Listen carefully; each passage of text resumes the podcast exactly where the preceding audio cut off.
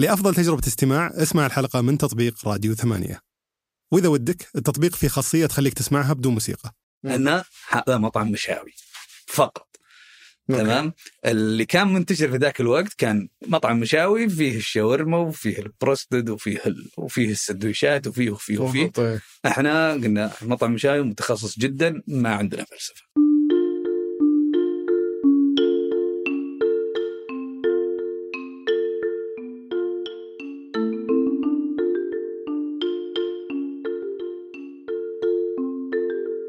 يلا حيهم اليوم بستضيف محمد العرفج آه، مؤسس مطعم المشوى العنابي مو المشوى العنابي المشوى العنابي آه، مطعم المشوى العنابي متخصص في المشاوي بدأ أول فرع في 2016 توسع من وقتها إلى اليوم خلال ست سنوات تقريبا إلى 48 فرع في ثلاث مدن أو في المنطقة الشرقية ومدينة الرياض ومدينة جدة.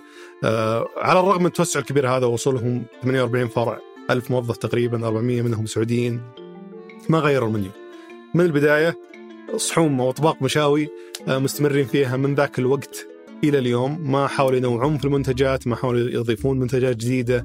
فبداية ببدأ مع ضيفنا إنه ليش أصلا اختار يسوي مطعم مشاوي؟ أحس إنه يعني مشاوي كل أحد يقدمها في كل مكان وحتى يقدم نفس المشاوي اللي ممكن تطلبها آه، بأماكن ثانية من ناحية الأصناف يعني اللي هي آه، اللي يقدمها ولا فيها شيء من وجهة نظري كعميل مختلف عن آه، المطاعم الثانية. آه، ليش ما فكر يغير أو يجدد أو يضيف منتجات إضافية فوق المشاوي آه، ويحافظ على المنيو البسيط جدا هذا على الرغم من وصوله ال 48 فرع. وش أبرز التحديات اللي واجهها مع تطبيقات التوصيل أو مع البلدية أو مع ال- التشريعات الجديدة عموما المختصة في أو اللي تستهدف آه، قطاع المطاعم. آه، وش التحديات اللي واجهها في التوسع سواء داخل المنطقة الشرقيه أو التوسع لاحقا للرياض وجدة، وش الأشياء اللي يحتاج يسويها في آه، تشغيل ال- الفروع عشان يضمن يقدم نفس الجودة في جميع الفروع في جميع المدن. أمور كثيرة بنناقشها لها علاقة في المشوى العنابي، حلقة دسمة جدا ناقشنا فيها تفاصيل كثيرة في البزنس اللي سواه وقدر يتوسع فيه بشكل كبير خلال السنوات الماضية فأتمنى تعجبكم. حياك الله أخي محمد. الله يبقيك يا رب. كان لك بصمة كبيرة أو واضحة بالنسبة لي في فترة كورونا أيام الحجر. هنا تعرف يوم بدينا نعتمد على المطاعم بشكل كبير. قال لي بحول صحي وأطيح في المشويات عندكم في المشي العنابي يعني كنتم رفيق ال- الدرب يعني بالفترة الحجر لين الله فرجها و- الحمد لله. وانفتح ال آه، يعني انفك الحجر ورجعنا الحياة الطبيعية. كمل طبعا. أجل أنت ك- فكيت لنا أزمة في وقت الحج. أنا أحتاج داعم. لك. بس صراحة من المطاعم المميز جدا اللي بالبداية أنا جيتكم بالصدفة. يعني مجرد إن لقيتم محل مشاوي. بعدين لاحظت إن لكم تواجد كبير. لاحظت انه عندكم ما شاء الله عدد كبير من العملاء. آه، كثير منهم هم اللي أصلا نصحونا إنه نستضيفكم وناخذ التجربة هذه. وكان من الأشياء المثيرة للاهتمام إن أساسا ما بديت في الرياض. أنا توقعت مطعم في الرياض. لكن طلعت بادي في الشرقية. هل لأنه لأنك من أهل الشرقية أو لأنه في سبب ثاني مثلا تبغى تختبر مطعم هناك قبل ما تفتح هنا ولا؟ لا والله هو إحنا من أهل الشرقية أول شيء. أنا من آه، مواليد وسكان الخبر. و وبدينا ال- طبعا ال- المشوى العنابي ما كان أول تجربة لي في المطاعم. آه، كان عندي تجارب سابقة أيضا في الشرقية. مم. آه، في 2015 اواخر 2015 فتحنا آه، الفرع الأول يعني تقدر تقول بدينا في المشوى العنابي ولا قبل المشوى العنابي؟ المشوى العنابي okay تقدر تقول إنه بدينا في 2016 كان كان في آخر 2015 ف آه، يعني تقدر تقول بعد في شهر نوفمبر آخر نوفمبر بنكون كملنا ست سنوات. منذ افتتاح أول فرع للمشوى العنابي.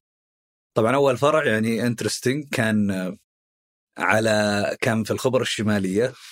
شارع الأمير منصور تقاطع 19 آه، جدي الله يطول بعمره أول ما انتقل من الأحساء للخبر سكن في شارع الأمير منصور تقاطع 22 هذا كان أول منزل. فحرفيا إحنا فاتحين في نفس الحارة. okay. اللي اللي آه، انتقل لها جدي أول ما جاء من الأحساء للخبر.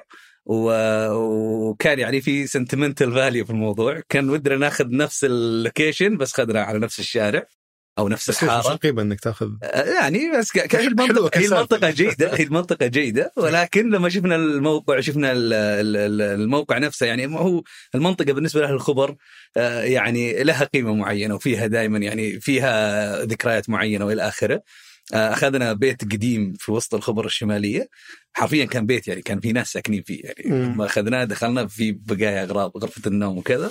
وعدنا تشطيبه وإلى آخره وتحول إلى آه، بس وش. الفكرة؟ أنا أحس إني لو لو بفتح مطعم آخر شيء بفكر فيه مشاوي صراحة إي نعم يعني إذا تجي تقول واحد بسوي شيء غالبا الناس يقول لك بسوي شيء شيء جديد. شيء مختلف مم. أنت رحت لشيء يعني ما بيقول مستهلك بس إنه يعني في كل مكان بالعكس موجود بالضبط إحنا إحنا بالعكس يعني ولا غيرت شيء يعني مشاوي بالضبط اي يعني ليش؟ بالضبط مو ما غيرنا شيء آه، قللنا من اللي يسوونه الناس كيف؟ يعني تخصصنا أكثر تمام يعني ال- المشاوي آه، في نظرنا لما بدينا نبدأ المشروع يعني ما بقول لك إن إحنا كنا في البداية مسوين دراسة معمقة وطويلة. وإلى آخره لكن كان في أساس فكر للمطاعم يعني و... وعندنا خبرة سابقة وبديت باستثمار ذاتي ولا؟ إي نعم. الخبرة السابقة كانت آه، كوكيل أو كفرانشايزي أو صا- صاحب امتياز آه، لأحد الشركات العالمية. فالتجربة هذه آه، علمتنا أن كيف أصحاب الامتياز بالشركات العالمية تعطي يعني تعطي السيستم أو النظام التشغيلي حقه في في في ضبط العملية التشغيلية بحيث إنك أنت تطلع بمنتج نهائي دائما في نفس ال بنفس ال- الجودة بنفس الطعم من فرع إلى آخر من مدينة ما تقدر تذكر اسم الشركة صح؟ آه، يعني. آه، أنا تخرجت منها ف آه، فبس أذكرها يعني آه، لل يعني البداية تمام حلو ف فباختصار آه، هذه هي لا زال لها فروع كذا فعشان كذا أنا يعني. آه، ماني حاب أذكر الاسم. فباختصار آه، ال- التجربة هذه يعني فتحت عيوننا على انه والله ليش ال- ال- المطاعم المحلية ما تشتغل بنفس خلينا نقول الاحترافية. ف لما جت فكرة المشاوي جت يعني ما بقول لك والله دراسة معمقة للسوق وأن كذا لا والله جت إحنا نحب المشاوي كنا تقريبا كل ويكند آه، نشوي في الاستراحة نجيب أحد يشوي إلى بس هي آخره. الفكرة من البداية كانت تبغى تبدأ مطعم وجبات سريعة صح؟ الفكرة جت يعني اللهم إحنا عندنا already خبرة سابقة في المطاعم ليش ما نفتح مشويات ما في مطعم مشويات عدل في المنطقة إيش ممكن نسوي كذا بهالبساطة يعني. ببساطه يعني. تمام وحتى اختيار الموقع والرأس مال الفرع الأول ما كان يعني شيء ضخم يعني وكان يعني كم تقريبا كلفتكم البداية؟ المشروع الأول كلفنا حوالي مليون وكسور يعني. كم ألف تمام okay. كان يعني حتى كان استثمار داخلي وتقدر تقول يعني تقدر تقول قطية من العيلة يعني بس بس ليش مليون؟ عشان إيه. أنكم شريتوا بيت ورممتوه لا؟ كبير الفرع يعني عندك يعني يعني الفرع أكبر من يعني حوالي 200 وشيء متر وفيه يعني تقريبا 20 جلسة و... يعني مكلف بس قلت لي كان بيت هو صح؟ اي بيت صغير. كيف شريته؟ بيوت الخبر الشمالية والطابق واحد. okay. إحنا ما شرينا البيت. إحنا آه استأجرته. إيه، okay. شريته بيت آه إنه يعني اغلى إيه. المفروض لا لا أقل. إحنا لا إيجار ال- الموقع. فأخذنا وشطبنا ال- ال- البيت. آه البيت طبعا مش البيوت التقليدية بيوت بيوت الخبر الشمالية أول كلها دور واحد ويكون فيها مجلس وصالة وثلاث غرف نوم. وتكرم دورة مياه. فهذا التقسيم نفسه تقدر تقول حافظنا على منظر البيت من برا ومن داخل تم تغييره. آه، غريب مسموع بالبلديه يعني ما كان في مشاكل. هو منطقة الخبر الشمالية لها هذه الحالة الخاصة. إيه. منطقة الخبر الشمالية مرخصة بالكامل تجاري. ف... فتمشي في أي شارع في الخبر الشمالية ممكن ترخص تجاري بس مش في زي تقول في بيوت. إيه هو كذا الخبر الشمالية لها حالتها الخاصة. okay. تمام؟ مو زي باقي الأحياء. حلو. و وأهل المنطقة الشرقية يعني يعرفون الخبر الشمالية ومنطقة السويكت والاماكن شارع السويكت والأماكن هذه مشهورة هناك وكلها محلات تجارية و آه، يعني حتى في الدواعيس تلقى مرخص محلات تجارية وإلى. و- وفي مطاعم هناك منتشرة ومن يعني زمن قديم متعودين عليها أهل يعني حتى فيها بعض مطاعم البرجر يمكن عمرها 80 سنة ولا مم. 60 سنة في المنطقة هذه بس مليون هذه حقت اول فرع كيف صرفتوها؟ آه، في الإنشاءات. آه، يعني إحنا شطبنا ال- يعني رجعناه عظم بيسكلي يعني بكل بساطة صار عظم وليش ليش تكلفت هالتكاليف كلها؟ يعني إذا هي بتبدأ انت شيء يعني بدون دراسة ما يعتبر تبدأ- غالي يعني المبلغ ما يعتبر كفرع واحد ما يعتبر عالي. آه، في مساحته وكذا ما يعتبر. أنا قصدي في توجه في ناس يقول ببدا بشكل أبسط وبأقل تكلفة ممكنة بس عشان أجرب أشوف هو يمشي الوضع معي. صحيح بس بس هذا في وقتنا يعتبر ما هو غالي. يعني حلو. المشاريع اللي قبل كانت كلفتني أكثر. أوكي. تمام؟ حلو. فهذا ما يعتبر آه، عالي بالنسبة للمطعم بهذا الحجم بهذه المعدات و آه، يعني في معدات steel و آه، يعني ما هو ما هو ما يعني يعتبر طبيعي. يعني فروعنا اللي بعدها كلفتنا أكثر. okay. تمام؟ وفي بعضها كلفت أقل يعني على حسب التوجه. وكان من البدايه اسمه مشوي العنابي نعم من أول يوم وش كان اسمه العنابي؟ okay وش المشوى العنابي؟ آه المشوى العنابي آه المشوى؟ المشوى وليس المشوي. كل أحد يسميه العنابي أنا عارف. تعبنا وياهم آه، آه، المشوى العنابي ال- العنابي جريل باختصار الاسم آه، كان بكل بساطة عملية brainstorming ما في شيء محدد وراء الاسم. آه، كنا نب- نبحث عن اسم شوي مختلف عن آه، الأسماء المتعودين عليها في السوق. شيء له علاقة بالشام له علاقة مدري إيش إلى آخره. تمام قلنا نبغى اسم قائم بحد ذاته. برضو لما تسمع لما أقول لك أنا أنسى المشوى لما أقول لك مطعم العنابي ما بيجي في بالك غالبا برجر ولا ربس ولا مم. بيجي في بالك مطعم عربي يا مشاوي يا شاورما يا كذا. فكان الاسم كاتشي آه، يعني يعني يثبت في المخ وسهل تذكره ومن الصعب تخطأ فيه. فكنا إحنا مركزين على هذه النقطة.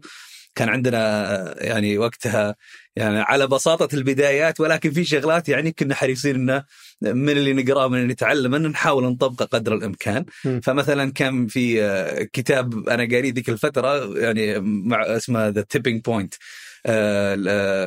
إنه ليش بعض الأشياء تصير صرعة معينة وبعضها لا. كان يتكلم عن ثلاثة نقاط رئيسية.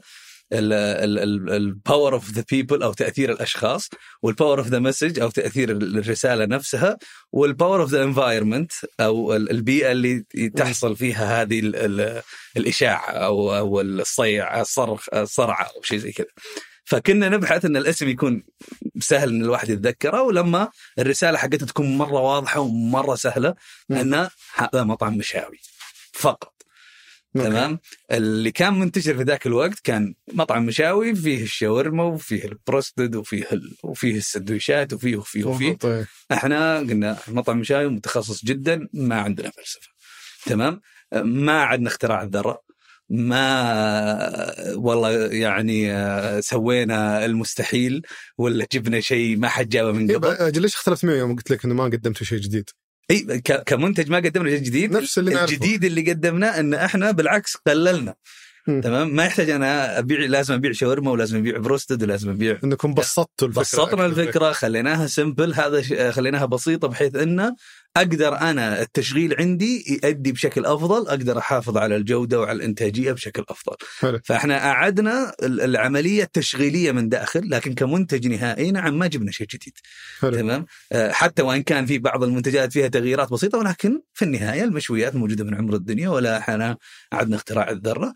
ولكن قدمناها بشكل أفضل. وكيف قدرت تطبق اللي تعلمته على على المشويات؟ لأنها ممكن تخت- تختلف عن تجربتك السابقة. إي نعم. المشاوي شوي مزعجة يعني أنا أنا أؤمن إن ال- ال- المطاعم بشكل عام آه، مهما اختلفت آه، نوع الأكل أو غيره في النهاية ال operation واحد. يختلف الطهي حق الأكل خلينا نقول. ولكن ال operation نوعا ما التشغيل العام إي نعم. للمطاعم نفس الشيء وفي أشياء أسهل وفي أشياء أصعب لكن في النهاية هي عملية تشغيلية واحدة م. هي عملية استلام طلب تجهيزة تحضيره تحضير ما قبل آه، الطبخ الطبخ عند استلام الطلب وفي بعض المطاعم تشتغل بنظام اللي هي الطبخ قبل استلام الطلب وهكذا بس اتصور هذا يعني عندك عائق إنه أول شيء المشاوي تاخذ وقت للإعداد نعم بما إنك أنت يعني صحيح. مطعم وجبات سريعه صحيح زائد ما هو شيء ما هو من الأكل اللي تقدر تحضره من بدري وتخليه 100%. ينتظر. 100%. فهذه في كذا عنق زجاجة صاير في وسط 100% العملية التشغيلية وهذا كان أكبر تحدي بالنسبة لنا. آه، إحنا كنا نقول دائما في البداية إن طيب أنا بسوي مطعم آه، شو اللي بقدمه على قولتك جديد أنا كان يهمني إني آه، أكون عملي أو كونفينينت أو عملي إن من ناحية السرعة ومن ناحية إني أقدر أطلب بسهولة أقدر أتواجد على التطبيقات أقدر كذا فيكون عملي ومتعود عليه الشخص بسهولة. وإنه يقدم قيمة عالية فاللي قاعد تاخذه أنت كمنتج قيمته فيه. تمام؟ وحقه فيه.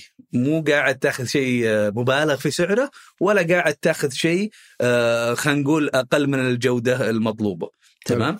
آه، فما كان يهمني السعر بقدر ما كان يهمني القيمة اللي أنا أقدمها للعميل. آه، ال- ال- ال- الموضوع النقطة الثالثة كانت ال- الريتش أو الوصول. تمام؟ كنا نركز إن أنا لازم أكون سهل الوصول. فعملي وقيمة عالية وسهل الوصول.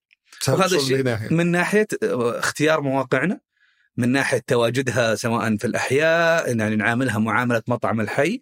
تمام؟ وأيضا الانتشار اللي تفرض العلامة التجارية آه، آه، لما تنتشر إلى يعني نطاق أوسع.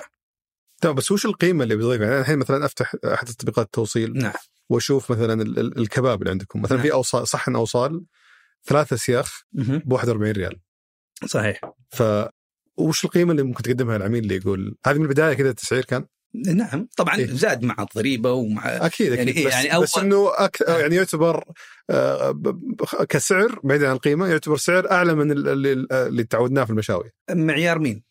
آه، اجمالا يعني على ما هو صحيح ليش؟ طيب في في شيء أرخص نعم مم.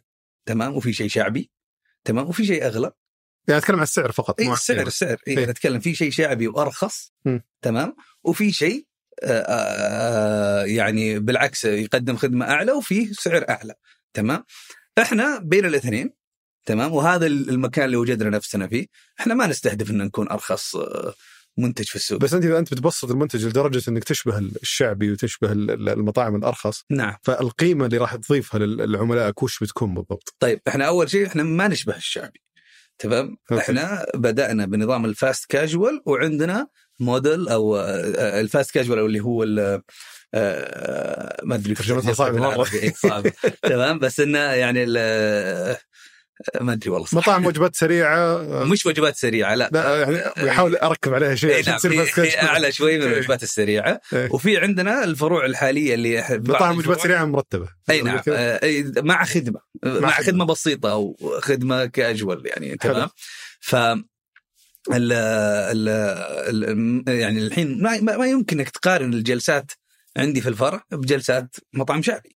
في هذه تكلفة ما يمكن انك آه، تقارن آه، آه، الخدمة مع ان إحنا مش خدمة مطعم عالي تمام؟ بالخدمه اللي في مطاعم شعبية أو بالتكييف بال decoration. بس هذه كلها تهم الناس اللي يجون عندك. إي نعم هذا موجود. طيب إيه. وفي عندي طبعا الطلبات الخارجية هذا الموديل تطور لاحقا مم. تمام؟ إحنا الآن بالنسبة لسعرنا يعني أنت قلت لي كم الاوصال ب- خليني أتأكد بس. شيء 40 ريال. بالضبط. تمام. كم الآن تدفع على بعض منتجات البرجر اللي ما فيها نصف كمية الأوصال هذه؟ ما هو لحم fresh ما هو ربع كيلو موجود في الصحن. ربع كيلو لحم طازج موجود عندك في الصحن 43 ريال. فهنا السؤال بمقياس مين؟ السعر عالي ولا نازل. أنا في قيمة أقدمها في ناس تبغى هذه القيمة وفي ناس تبغى شيء أقل. أقل سعرا في ناس تبغى شيء أعلى طيب سعرا جميل خلينا خل نرجع نعم. لموضوع الفرع قبل ما نتوسع أي نعم. بالسالفة هذه اللي بنجيها بعد شوي. أنت بديت فرع واحد بالشرقية ثم توسعت للرياض آه مالك اللواء إحنا بدأنا فرع الأول في الشرقية مباشرة آه، بدأنا نعمل على المطبخ المركزي م. بدأنا انشاء يعني مجرد إن الفرع الأول أثبت نجاحه في السنة الأولى في 2016 وش كان وش معنى أثبت نجاحه؟ يعني من ثالث رابع يوم كنا نقفل الساعة 9 مخلص اللحم. آه أوكي. ف... يمكن لحم قليل. آه، لا لا كان كثير. يعني كان كثير وكل يوم قاعدين نزيد وما شاء الله تبارك الله. يعني كان في طلب عالي إيه، جدا عالي يعني. جدا. يعني إيه. الحمد لله. يعني ال- ال- الفرع من أول أسبوع ما شاء الله تبارك الله ضرب. وهذا يعني من الأشياء اللي نقول فيها قيمتها. بس كيف. أنت عارف إنه فعلا ال- المنتج هذا فرض نفسه أو إنه مجرد هبة جديدة في الشرقية يبون يعني يحللونها الناس قبل ما يتجاوزونها يروحون للهبة الجديدة. هذا الشيء يحكم عودة العميل مم. هل عميلي قاعد يرجع ولا جربني وأنا ترجع مم. إحنا عميلنا كان يجي كل يوم أوكي تمام وكان يتعرف عليك وياخذ رقمك ويكلمك ثاني يوم ويقول لك احجز وأنت. كنت بنفسك في المطعم أنا بنفسي في الموضوع نعم. تمام آه ف فحرفيا يعني كان الوضع واضح يعني المنتج الحمد لله فارض نفسه مم. آه وهذه الفترة جالسين نشوف نفس الإقبال ولله الحمد مع افتتاح فروعنا الآن في جدة قبل شهر. يعني الآن ما شاء الله تبارك الله كل الفروع في جدة الآن waiting list بس قبل ما قبل ما نوصل على إي نعم. جده شب... آه، ثاني بجيك أنا إيه. إيه. ثاني لاحظ لاحظ إني أقول لك أنا توني أفتح جدة بعد حوالي ست سنوات. حلو. تمام؟ ليه؟ إحنا عندنا فلسفة في التوسع تمام؟ إننا ما نروح منطقة إلا نعطيها حقها. لسبب. المشويات منتج حساس جدا جدا جدا.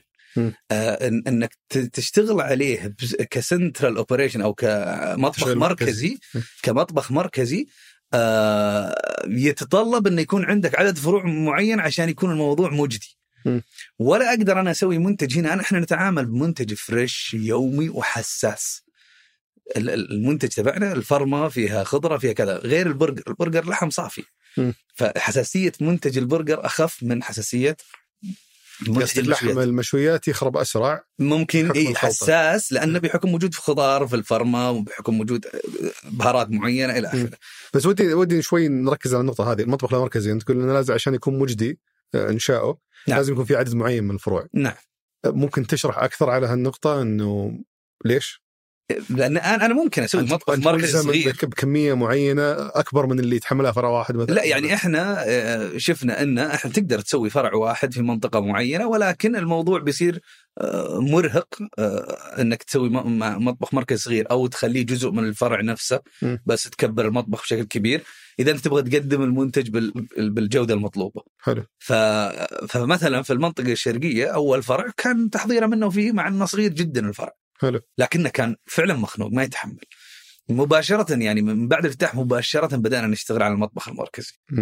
آه، مجرد انتهينا من المطبخ المركزي آه، أحد الأصدقاء يعني كان من يعني أصدقاء المقربين يعني كان يجلس معي بشكل مستمر وكان مهتم إنه يستثمر في في المشروع. ف وحتى إحنا يعني وقتها ما كنا فعليا قاعدين ناخذ موضوع الاستثمار بجدية يعني كان المشروع ماشي وقادر على التوسع آه، بنفسه. ولكن آه، يعني قلنا والله إذا بتاخذ الريسك أو تاخذ المخاطرة معي وبتمول تمويل جيد ما عندنا مانع حلو. تمام؟ فمولنا ال- الخمس فروع الثانية مباشرة. أوه، تمام؟ نعم. فقفزنا. هذا التمويل هذا اللي ساعدنا على الانتشار السريع. وصم... و- وصممت المطبخ المركزي بحيث يخدم كم فرع؟ هو أصلا كان مصمم إنه يخدم أكثر من حتى والله ما كان يعني كان يخدم إلى خمسة ستة فروع حلو. ولكن اضطرينا نوسع بعدين صار للأمانة. فتوصل اللحوم والخضار هناك تعدونها كل شيء هناك كل شيء يروح للفروع عندنا التشغيل الفروع- للفروع يتم من المطبخ نعم. المركزي التشغيل في الفروع هي اللمسات الأخيرة فقط مم. آه، مجرد إن آه، وضع المشويات على السيخ لأنك ما تقدر تنقلها على سياخ فهي ليش؟ ما مساحة وتطيح إيه. فك الكباب. جرب اكش تاخذ معك كباب مشكوك وشوف فكنا كنا نحن ننقلها ب vacuum seal bags اللي هي مفرغه. مفرغة من الهواء أكياس مفرغة من الهواء تروح للفرع بشكل يومي آه، يعني تفرم الفجر. وتروح للفرع مباشرة يوميا.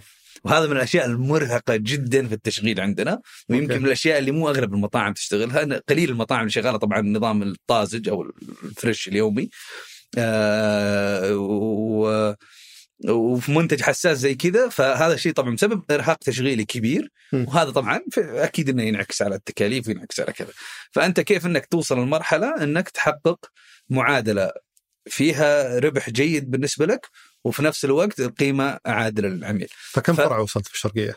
إحنا وصلنا في الشرقية الخمس فروع اللي قبل ما تطلع من الشرقية. اي قبل اطلع من الشرقية. الخمس فروع اللي مولناها هذه اللي أقول لك عليها مع الفرع الأول وصلنا ست فروع. حلو. تمام؟ آه كانوا آه اختيار الموقع كان كيف كان؟ الفروع الثانية؟ مباشرة بديت تشتغل عليها دفعة واحدة مع بعض؟ اي على طول. اي أوكي. اي على طول. يعني كلهم مع بعض وكلهم فتحوا تقريبا في نفس الوقت. كلهم فتحوا في 2017 أوكي. خمس فروع كلهم في 2017 افتتحوا. فيعني إحنا مولنا آخر سنة 2016 دخل التمويل تمام؟ آه بدأنا نشتغل على المشاريع وكان التمويل واضح إنه الخمس فروع وننهيها قبل نهاية 2017 وم- وبعدها ما نعتمد على أي تمويل ونتوسع للرياض. والحمد لله نفذنا هذا الخطه تجربتك السابقة كانت في في في المطعم السابق كانت إدارة عدة فروع ولا فرع إي نعم؟ فأنت عندك خبرة في كيف تتوسع. إي نعم يعني ما كانت بنفس الحجم. ما كانت بنفس الحجم كانت وقتها ثلاث أربع فروع يعني ما حلو. كانت بنفس الحجم اللي إحنا. الخمسة فروع كانت كلها فروع كبيرة برضه آه تقريبا نص نص مو مرة. كبيرة. وش ال... وش احتاج تتجهز عشان تقدر توسع بسرعة الخمس فروع في نفس السنة؟ آه طبعا المطبخ المركزي جهز قبل البقية كلهم م. آه غيرنا نظام المبيعات عندنا آه إلى نظام آه cloud أو سحابي. آه عادي نذكر اسمها إيه،. أي نظام فودكس معروف يعني فكان وقتها طبعا بدايات فودكس النسخة الثانية كان نقله بالنسبة لفودكس. هذا شيء يعني ريحنا كثير آه كحل تقني آه آه أن نقدر نشغل عن طريقه نظام ال call center أو المركز الاتصال م. آه اللي أطلقناه منذ الفرع الثاني تمام؟ منذ الفرع الأول تقدر تقول. بس شو علاقة مركز الاتصال مع فودكس؟ آه فودكس يوفر هذا الشيء. أوكي. إن المركز اتصال تروح الطلبات مباشرة على الفرع بدون تعب آه، يعني اي, IT ولا setup آه يقدر أحد يتصل ويقول حضروا لي الطلب ذا و... لا لا إن أنا مركز اتصال صار أسهل إنه يستقبل الطلب ويضربه على شاشة فودكس فيطبع عندي في, ال- في أي فرع من فروعي. إيه قصدي إنه أنا أتصل عملية عليكم الربط. إيه، إيه، جهزوا لي الطلب. رقم واحد. إيه. فهذا طبعا كان ليه؟ لأنه كان جزء أساسي من آه، برضو يعني ان, الناس قاعد تشوفها بشكل مختلف. يعني أنت في النهاية مطعم مشويات متعود على شغل شعبي وتقع المعلم وجهز لي الطلب وكذا. إحنا لا في رقم واحد. رد عليك شيف سعودي تفضل أهلا وسهلا. كذا كذا. فكان هذا جزء برضو من الاكسبيرينس اللي قاعدين لا أنت قاعد تتعامل مع شركة مرتبة و... وتجربة عميل ممتازة. جميل آه، بيع نظام نقاط بيع نقاط بيع. تغيرنا سهلناها. المطبخ المركزي كان جاهز ب... بالفريق اللوجستي إلى آخره. آه، آه، وأيضا الأهم قبل هذا كله تأسيس فريق إداري قوي. مم. تمام؟ آه الله وفقنا للأمانة يعني سر نجاح خلينا نقول العنابي انتشاره الله وفقنا برجال يعني ما قصروا. فعلا يعني كانوا هم أحد أهم أسرار النجاح في العنابي. وظفتهم كلهم ما كانوا شركاء موظفين. نعم. نعم. بس آه، خلال كم قدرت توظفهم كلهم وش كانت أدوارهم؟ أه، هذا اللي فادنا في مرحلة الاستثمار تمام من أهم مزايا الاستثمار اللي حصلت آه، مع التوسع هذا الخمس فروع إني استطعت إني من البداية أسس فريق إداري متكامل فأسس اداره إدارة موارد بشرية وأسس إدارة تشغيل وأسس إدارة جودة وأسس إدارة إدارة مالية ومحاسبية و- وتوسعت الإدارات من هنا. بس كيف قدر جر- تجيب فريق قوي في سنة؟ آه، يعني عاده حتى لو أنت عندك فلوس والناس هذول موجودين في السوق نعم. مرتبطين بوظائف. و... إحنا ما جبنا ناس خبرات سابقة للعلم يعني. ما ما لهم أي علاقة في قطاع المطاعم؟ في المطاعم إلى حد كبير لا يعني ممكن يكون له خبرة سابقة بس مو والله أنا رحت مثلا جبت لي واحد من شركة ضخمة و... و- واستقطبته لا. يعني أغلبهم كانت خبراتهم آه، متواضعة. بعضهم له مثلا سنين في المطاعم ولكن آه، في شركات متواضعة في. المطاعم في في مطاعم متواضعة. حلو. بعضهم ما قد اشتغل في مطاعم. يعني أحد أكبر الكفاءات اللي كانت عندنا ما قد اشتغلت في مطاعم قبل كذا وكان ادائها جدا رائع معه. وتعتقد هذه كان ميزة خدمتكم ولا ما كان أعتقد نعم أعتقد أن فعلا تجربتنا الإدارية إعطاء الناس اللي, اللي لم يعطون فرصة سابقة تعزيز ثقتهم بنفسهم وأنت دورك ك كمدير مباشر لهم تعزيز ثقتهم بنفسهم وبنائهم وتطويرهم وتحفيزهم إنهم يعني يتجاوزون توقعاتهم من أنفسهم م. هذا بلا شك من أهم الأشياء اللي تميز فريق العناب. بس أنا ما أقصد من هالناحية. طيب. اقصد من ناحية إنه مثلا هل لأنهم ما عندهم خبرة كبيرة في قطاع المطاعم هل ممكن إنه مثلا ما قيدوا أنفسهم بالأفكار اللي ممكن يمشي فيها شخص؟ 100% نعم عنده خبرة في ال... 100% وهذا الشيء ينطبق مو بس على الإداريين م. ينطبق حتى على ال- ال- ال- الزملاء في الفروع يعني. م. تمام؟ إحنا ما نستقطب عمالة عندها خبرة سابقة. ليش؟ ما نبيه يجيني متعلم بطريقة مختلفة عن اللي أنا مت... اللي ودي أدرب عليها. وش وش ممكن تدرب بشكل مختلف عن غير اللي هو متعود على طريقة عمل معينة متعود على آه، ثقافة معينة في الشركة السابقة قد يكون من الصعب إني آه، وما تبي واحد تسج راسك ما ما تتسوى كذا هي. بالضبط. مؤمنين بطريقتنا ومصرين عليها. حلو فسويت خمسة فروع في الشرقية. متى توسعت للرياض؟ الفرع السادس ولا عفوا الخمسه فروع غير الفرع الأول فست فروع. ست فروع في الشرقية بعدين. قررت الفرع السابع كان في الرياض. افتتحنا أول فرع السنة اللي بعدها مباشرة اللي هي 2018 فرق مستعجل أخي. حار. تمام؟ السنة اللي. بعدها مباشرة انطلقنا الرياض. أي فرع كان؟ وعلى فكرة يعني إحنا الرياض نعتبرها break ما كان له داعي اخرنا أوكي. 2018 آه لأن 2018 بدايتها تخبر جات الضريبة. 5% في الب... أول شهر شهرين السوق كان يعني ها إي ما حد متأكد إيش يسوي إي ما حد. والشركات ضريبتك علينا بالضبط. وكل وكل انصرف فلوسه في ديسمبر جاء جانيوري تشوف المبيعات المطاعم تأثرت بشكل مباشر يعني. آه صار يعني صارت ربكه في سوق المطاعم في 2018 مم. ما ما في أي أحد في سوق المطاعم راح يقول لك 2018 بدايتها كانت ربكة. آه تغيرت يعني زادت رسوم العمالة دخلت عليك آه، ال- دخلت عليك آه، ارتفع سعر مثلا آه، البنزين. طبعا أنت أنت ما تشوف البنزين لك بشكل مباشر. هو أوتوماتيك يرتفع البنزين يجي المورد يرفع عليك سعره. مم. وهك يعني هي حلقة تدور. ففي أشياء كثيرة فعلا ارتفعت تكاليفها بشكل سريع جدا. ناهيك عن الضريبة ال 5% ناهيك عن إن أغلب ال- الناس صرفت فلوسها قبل الضريبة عشان ما تدفع ال 5% فصار يعني جانيوري وفبروري صار دروب صار هبوط قوي في السوق. فهذا الشيء خلانا مع إن كنا منطلقين يعني بنفتح الرياض فخلانا نهدي يمكن أربع خمس شهور بعدين خلاص آه يعني جت الضريبة قبل ما المفروض إني أبكر يعني. آه ما بديت بسبة الضريبة. يعني أخرتها بس أربع خمس شهور لين شفت السوق أوكي رجع الوضع الطبيعي يلا الآن انطلق للرياض. أوكي. انط- انطلقنا الرياض على طول اخترنا ثلاث مواقع في الرياض. وطبعا مطبخ مركزي. أنت ما قلت اختيارات المواقع كيف تتم عندكم؟ ولا هذه سر صنعه؟ لا هذه سر صنعة. هذه أنا بنفسي قاعد أفرفر في السيارة الساعة 3 الفجر. أوكي. أنا عندي نظرية قاعد أفرفر في الحارة الساعة 3 الفجر. أوكي. تمام؟ آه شوف السيارات اللي في الحارة. تمام؟ مم. ثلاث الفجر الناس نايمة. فهذول سكان المنطقة. تمام؟ كل ما كثرت السيارات كل ما عندك كثافة سكانيه في المنطقة. لا، مو معقول. والله لا اشتغل بالطريقة هذه تمام؟ كل ما كثرت السيارات كل ما عندك كثافة سكانية أكبر في المنطقة. ونوعية السيارات. تمام. يعني يبين لك مستوى الدخل نوعا ما. هذه بطريقة بدائية. طبعا أنت يعني أنت قاعد توسع بشكل سريع. ولا عندك الإمكانيات خلينا نقول الضخمه أنك تجيب بيانات معينة وتقعد تدخل تفاصيل. بس أول شيء يجيك حس ذاتي. يعني آه، آه، للأمانة يعني اختيارات الفروع آه، حتى بعد ما وصلنا توسع سريع حتى لو إن الفريق عندنا يدور عليه لازم أنا بنفسي أروح. واشوف الفرع واخذ لي أوه، فرتي أوكي. لين ما ارتاح نفسيا أقول أوكي حلو. تمام؟ ف أغلب فروعنا آه، كل فروعنا لازم أختارها بنفسي. لازم أشرف على تصميمها بنفسي. تمام؟ توزيع المطبخ داخليا لازم أشرف عليه بنفسي. آه حتى حتى لو إن الفريق يعني سواه وكل شيء تمام إذا رجع لي لازم أطلع عليه قبل الاعتماد النهائي. حتى لو ما بعدل عليه شيء بس ما, لازم. ما تشوف هذا يتعارض مع مسألة إنك جبت فريق إداري قوي؟ هلا هلا هلا بس إلا في هذه النقطتين أنا لا زلت فيهم. لا لأنك انت الحين كنت إي نعم. تقول أنا ما أثق بال- باللي قاعد يشتغلون عليه. مو بصحيح. مو بصحيح. أنا بالنسبة لي هذه الأشياء آه، آه، اللي لا تعتبر روتينية. مم. يعني أنا كفريق إداري أنا خارج عن العمل الروتيني بشك- بشكل شبه كامل. يعني موضوع ال- التوظيف ال- الاستقدام توظيف السعوديين التدريب صرف الرواتب الحسابات الأمور هذه كلها هي روتينية.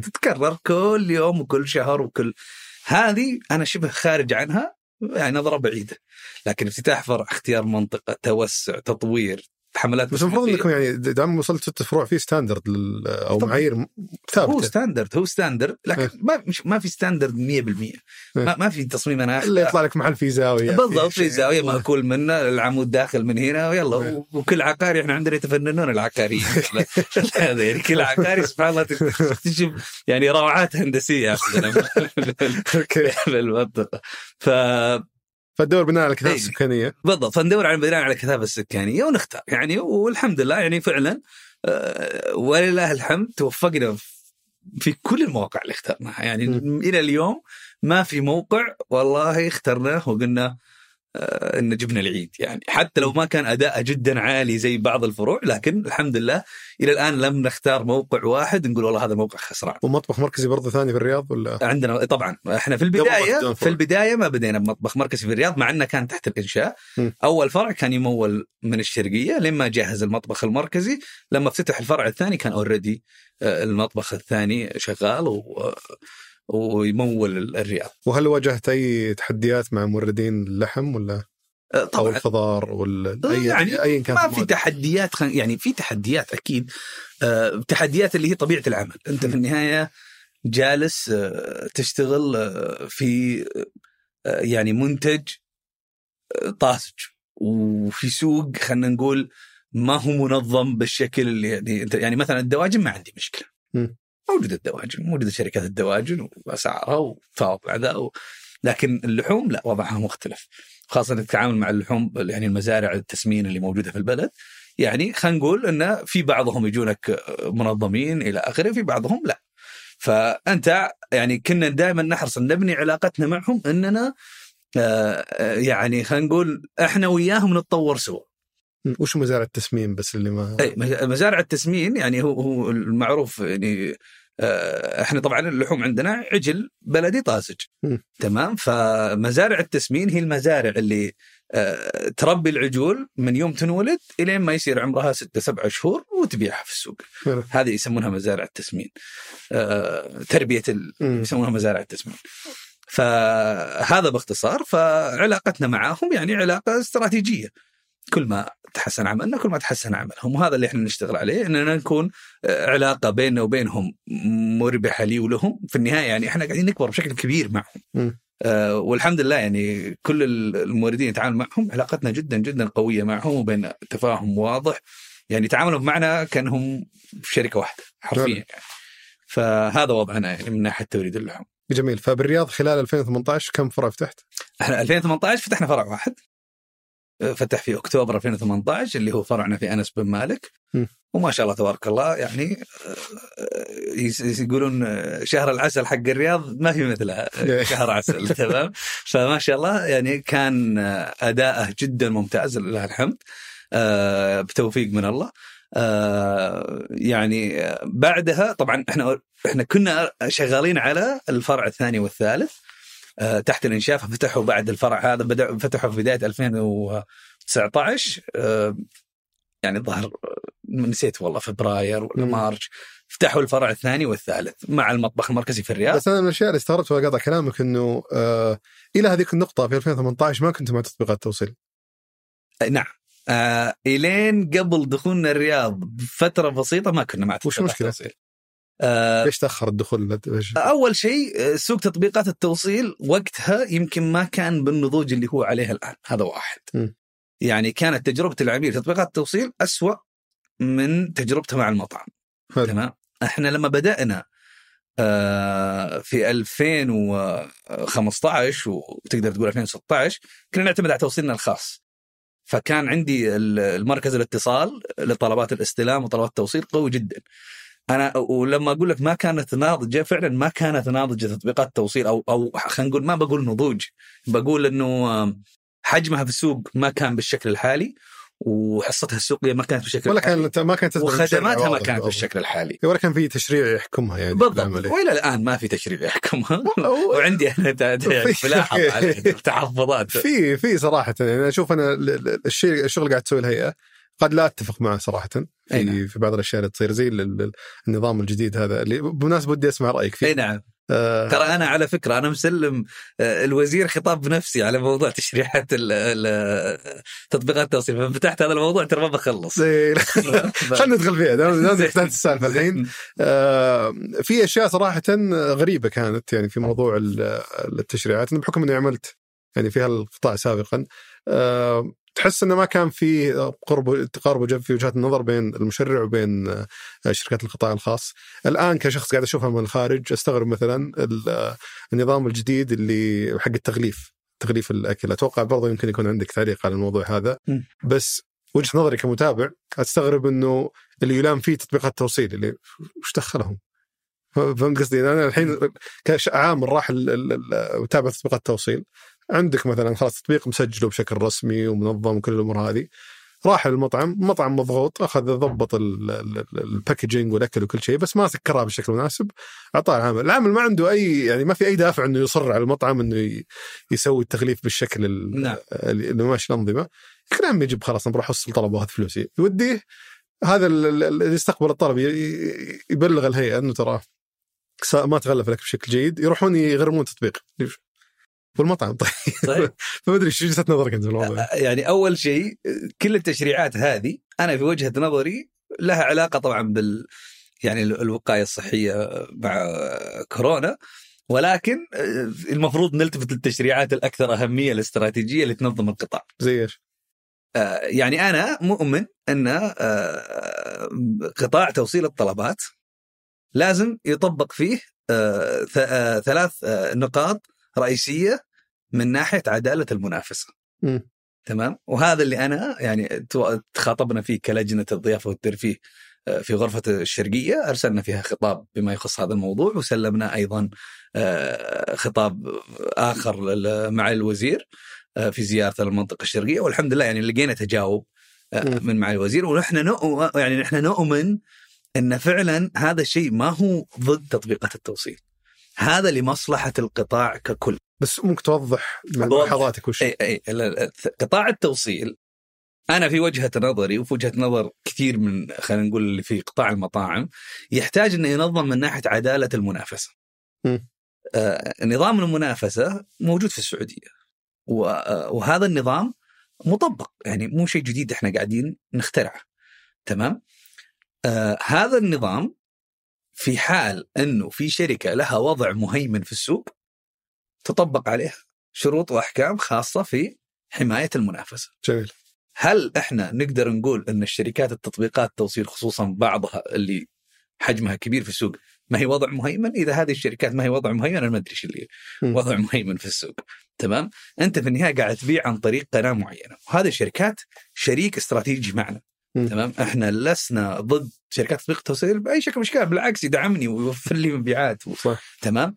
لكن إحنا ليش نهتم بهذا الموضوع؟ خوفا من تبعات هذا القرار مش لصالح التطبيقات ولصالحنا خوفا إن القطاع كله من الطرفين يبدأ يدخل في مشاكل تصادم ويصير ما هو مستقر. إحنا نقدر نتفق على النقطة أي. هذه. إيش عدالة المنافسة اللي نحن نقصدها؟ إحنا ثلاث نقاط.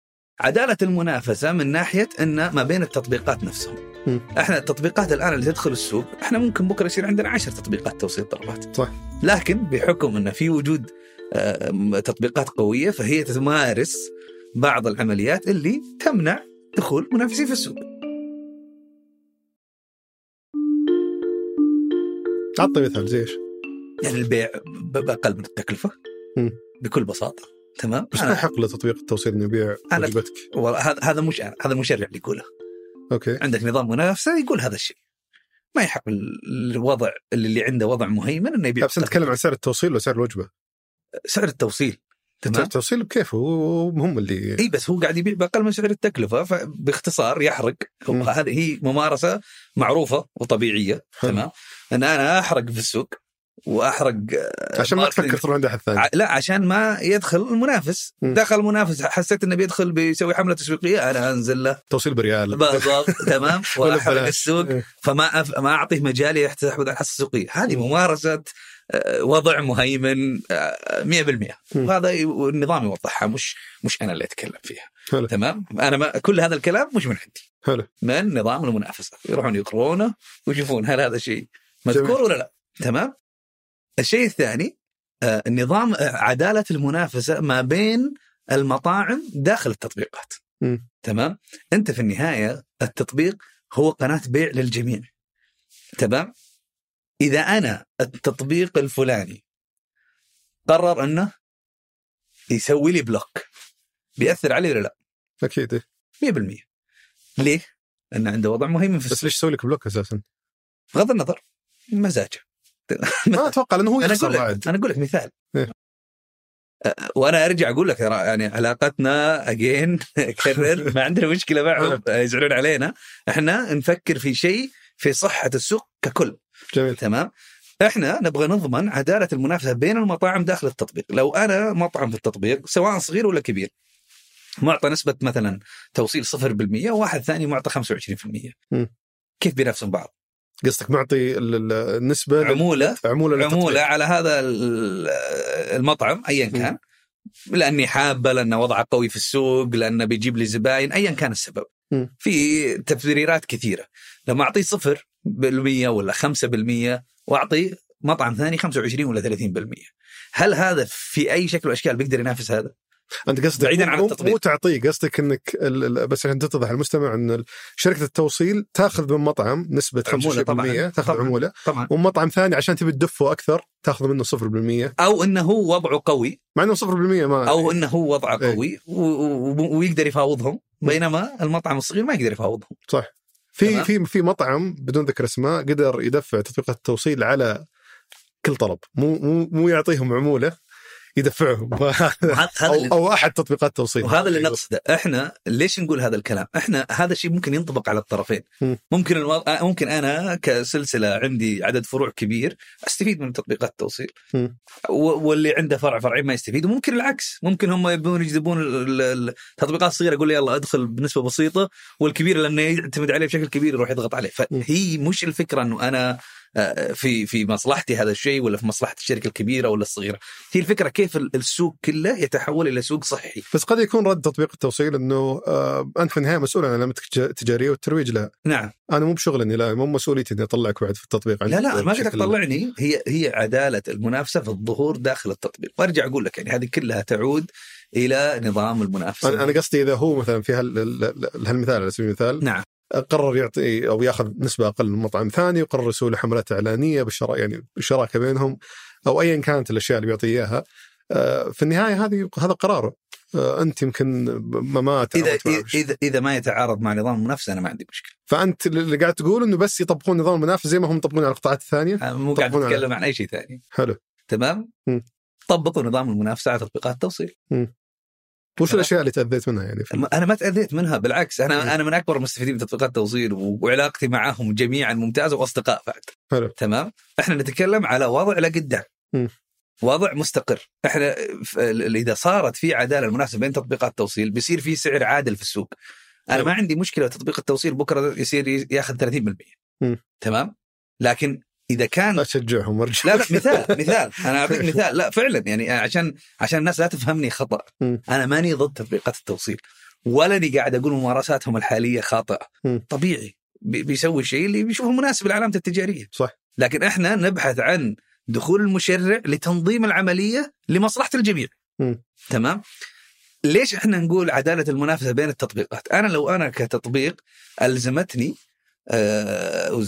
وزارة التجارة إني أوحد سعري بين ال- ال- المطاعم مم. هل سأضع سعر مبالغ فيه؟ يمكن يقولون إذا حط سعر مبالغ فيه قصدك ال- العمولة اللي يأخذونها العمولة إيه. تمام إذا حط عمولة عالية بيجي تطبيق ثاني بيقول أنا عمولتي منخفضة بيصير في منافسة عادلة مم. تمام اللي قاعد يحصل الآن إن التطبيقات تعمل بنظام فرق تسد مم. أنا أضغط على هذا اليوم لين اقنعه بعدين أروح أضغط على المطعم الثاني لين أقنعه بعدين تمام. لكن إذا أنت طبقت نظام المنافسة وقتها راح يكون السوق راح يوازن نفسه إحنا لا نطلب حدهم بتسعير معين لا نطلب إنه يحطون سقف الاسعار لا نطلب إنهم يعني يضغطون على التطبيقات بأي شكل من الأشكال بالعكس هم شركاء نجاح معنا. إحنا نطلب إن السوق يكون صحي بحيث إنه يوصل الع- آه، التسعير يوصل لنقطة تعادل. كل تطبيق راح يكون له استراتيجيته. زي ما أنت تروح مطعم غالي ومطعم رخيص راح يكون في تطبيق غالي كعمولة معروف له طبقة زباين معينة.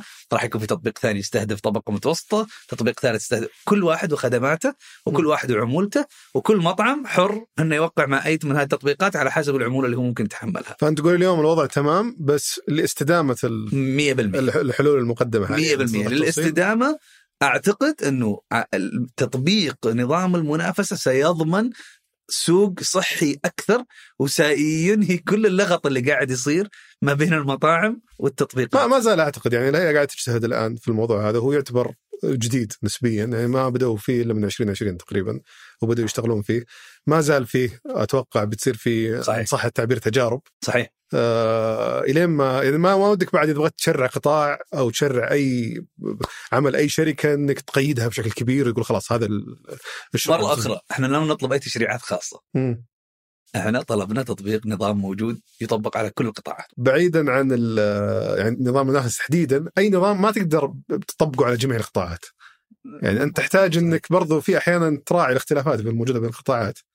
يعني أنا معاك مثلا إذا كان الشركة مهيمنة في ممارسات خلاص عامة تنطبق على ال- كل القطاعات. 100% بس في أشياء لأنه مثلا ما بيدخل يعني كان تبي الصدق القطاع المفروض ينطبق على ذلك قبل أي احد ثاني. يعني أكثر ناس يطبق عليهم وينطبق عليهم هذا المثال؟ لا بس شوف مثلا الأشياء اللي سووها زي مع موضوع اوبر كريم نعم. من برا تحس المفروض المفروض الموضوع ما يتم أصلا. هنا ال- الصفقة اللي صارت بين اوبر وكريم وانه ما زالوا يشتغلون مع بعض وهم أصلا تابعين نفس الشركة. بس حطوا عليهم قيود معينة حطوا عليهم أنظمة معينة تعهدات صحيح. معينة شافوا إنها منطقية بحكم الاستمرار المنافسة وإنها تفتح مجال لناس جدد يدخلون السوق بغض النظر عن اتفاقنا إيه. واختلافنا معها بس ال- المقصد إنه ما طبقوها بنفس ما طبقوها على شركات الاتصالات مثلا 100% طيب فهذا المقصد يمكن قاعدين الحين المشرعين يطبخونها بشكل أكيد يعني ما يعني ما حد عفوا ما حد يلوم المشرع على الوضع الحالي في تغيرات سريعة يعني أنت تتكلم 2018 يعني م. جماعة ترى قبل ثلاث سنوات أنا ما كان عندي أصلا شركات تطبيق قصير الآن أنت جزء لا يتجزأ من. منظومتك ومن مبيعاتك ومن استراتيجيه بس على التشريع تحديدا أنا مهتم أعرف وجهة نظرك حق التغليف بلا شك هو بني- بنية جيدة. التغليف يعني من أول إحنا يعني إحنا إحنا ما استجد علينا شيء يعني. إحنا من أول نغلف من أيام. أنا مبسوط صراحة على الدفعة هذه لل... أو الدعم للاشتراط هذا. بس وجهة نظرك هل المفروض يكون العقوبه على المطعم ولا على التطبيق؟ والله شوف يعني النقطة هذه تنطبق على أشياء كثير. مو نعم. بس على المطعم على التطبيق. نفس الشيء ينطبق هذا النظام. هل أنا كصاحب مطعم مسؤول أن والله آه، يعني زبون داخل الفرع آه، لم يلتزم بالإجراءات. أوكي. هذه تحصل. مم. ممكن أتخالف بسببها. تمام؟ أنا كصاحب مطعم لو سلمت سائق توصيل الطلبات وأنا مو مشيّك انه محصن برضو بتخالف. أوكي. تمام؟ وعلى فكرة يعني ماكلين مخالفات لهنا تمام؟ لأن وعلى أشياء يعني صراحة مرهقة جدا جدا للقطاع. يعني في أشياء أنت أنت أنت من الصعب إنك تعمل عليها سيطرة وهذا السؤال هل أنا هل التطبيق مسؤول؟ طيب هل صاحب المطعم مسؤول؟ في أشياء كثيرة أنت كصاحب مطعم من الصعب إنك تسيطر عليها. أنت الآن لو مو لابس كمامة في الشارع مم. تمام؟ ابى اخالفك تمام؟ طب أنت لو مو لابس كمامة داخل الفرع مم. تمام؟ إحنا كشركة أكيد إنك مسوي تعميم ومحرص وكذا، لكن لو في موظف نزل الكمامة ولا حطها كذا. تمام؟ مهما كانت يعني انت في النهايه تتعامل مع ألف موظف على المنظومة صح. أجي أنا انصقع 20000 في لحظتها ليه؟ تمام؟ فنفس السؤال هذا مين المسؤول عن هذا الشيء؟ مين المسؤول عن هذا الشيء؟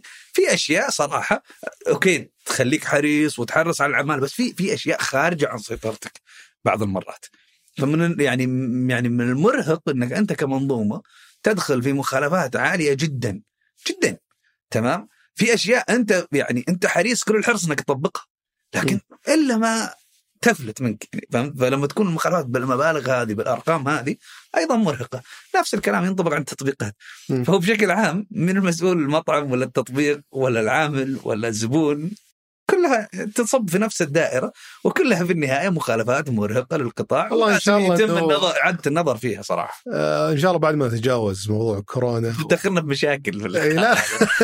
يعني أنا دخلت في التطبيقات الحين دخلت في الم... لا لا اتفهم تمام بالعكس أنت يعني ما ما قلت شيء غلط في, نعم. في الكلام. يعني موضوع آه، كورونا أكيد إنه ما راح في الفترة القصيرة هذه اللي ال- ال- الحكومة قاعدة تحاول تسيطر أو الجهات الرسمية تحاول تسيطر على انتشار المرض. ما راح يطلع لك تشريع آه، اسطوري 100% فجأة كذا اللي 100%. يحل كل المشاكل لأنه في برضو عامل السرعة مهم لا يعني مثلا مثلا من الأشياء اللي فعلا آه، يعني إحنا مرة انبسطنا انها صارت القرار الأخير اللي صدر إن أنا ما أقدر أخالفك في نفس اللحظة لازم أعطيك إنذار قبل. هذا تو صدر آه، من تقريبا شهر أو شهر ونص البلديه قصدك أي نعم فهذا يعتبر إنجاز. قبل نبهني. عامل غلط. أنا أنا كصاحب شركة وكإدارة وكفروع في النهاية عندك فروع عندك موظفين. الموظف يخطأ. تمام؟ وتحرص عليهم والله وصلنا لدرجة إن مشغلين ناس شغلتهم يراقبون الكاميرات. عشان نضمن إنه ما في أي مخالفة. ولو واحد قال رفعنا السماعة. أنا قصدي من وجهة أه. نظر ممكن ال- ال- الجهات المشرعة ما نختلف. هي صار أوكي أنا أتفهم تماما صاحب يعني مصلحة صاحب العمل. نعم. بس في نفس الوقت لازم نسيطر على سرعة انتشار وجهة. نظري. والله لو خالف العامل ب 500 ريال راح تكون النتيجة أقوى. أوكي. كل العماله راح تنضبط في يوم وليله بس بعد مو قاعد يدخل يدخل يفتش. هو قاعد هذا اللي قاعد يصير أصلا. لا بس قاعد يبغى يبغى يخلي المسؤولية بعد. ليش يحولها على صاحب المطعم؟ ما أدري بالضبط ليش لكن أتصور إنه على أساس يكون أنا يكون الموضوع في فعاليه الفترة. لأني ما في خلاص نتجاوزها نرجع لموضوع ال- التوسع في الرياض. أي نعم. آه، بديت أول فرع بعد أول فرع دخلت انضميت مع تطبيقات التوصيل. بالمناسبة في نقطة ما ذكرناها في تطبيقات التوصيل اللي هل بما ان لك تجربة في التوصيل بنفسك يعني من بسائقينك نعم. هل شفت الوضع مجدي أكثر ماليا في أنك توصل عن طريق تطبيقات التوصيل مقارنة بأن يكون عندك سائقينك و- والدعم الفني لا؟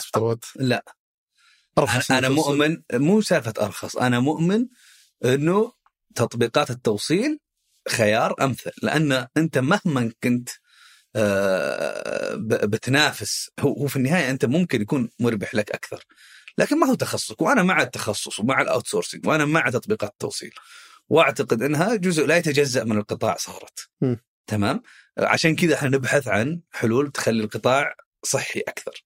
تمام؟ آه و و- إنك أنت تعتمد على سائقينك الخاصين أنت بديت تتحول من أساس عملك. تمام؟ و... وأضف إلى ذلك إن تطبيقات التوصيل دائما راح يكون عندها آه خلينا نقول advantage أو إيش؟ ميزة نفسيه ميزة تنافسية أكثر منك ليه؟ لأنه يشغل آه، freelancer أو ال- آه، عمل العمل الحر أكثر. تمام فأنا آه، يعني إحنا وين المشكلة؟ أنت مو مشكلتك في المشوار نفسه وهذا اللي يعني العميل مرات ما ما يستوعبه أوكي أنا م. أنا المشوار ما يكلفني لكن الثمان ساعات اللي قاعدها الموظف فترة العصر اللي ما فيها طلبات م. وقيمة السيارة اللي واقفة وصيانتها وإلى آخره. مكلف. لما تجي تحسب الشهر كامل هذه السيارة بالسائق اللي فيها والبنزين. بالبنزين تبعها وتقسمها على عدد الطلبات اللي قدرت تحقق خلال الشهر حتى لو إنه فل يعني أنت توصل مرحلة حتى مش قادر تلحق على الطلبات يعني شغالة بأقصى طاقة. فأعطي الخبز الخباز وف- تلقى إن التكلفة على التوصيل الواحد يصل إلى 22 24 ريال أوف. كتكلفة. تمام؟ هذا هذه الحسبة يمكن قديمة شوي يمكن. زادت. تمام؟ تصل تكلفه توصيل الطلب الواحد إلى 24 ريال 22 ريال. جميل. فكيف أنت راح توصل شيء فاتورته 70 80 ريال؟ بلاش مثلا. م. فإذا أخذت رسوم أخذت 15 ريال طيب لسه باقي عندك 9 ريال أنت متكلفها 9 ريال هل تعادل النسبة اللي قاعدين يأخذونها المطاعم آه، ال- التطبيقات من المطاعم؟ وهكذا. في النهاية نعم تقدر تسوي بس شفته مجدي ماديا شيء أعلى بس. أنت الأفضل بالنسبة لك بدل ما أنت تفكر في النسبة هذه تفكر في رفع بيعك وتركيزك على آه، ميزتك التنافسية الرئيسية اللي هي ما هي التوصيل. دائما ستكون الخدمة عن طريق تطبيقات أفضل من الخدمة إنك تقدمها بنفسك. جميل. فأنت في 2018 كان فرع واحد في الرياض ثم بعدها فتحت عدة فروع في الرياض. فتحنا في 2019 من من من الفرع السابع اللي هو أول فرع في الرياض إلى وصلنا 13 فرع.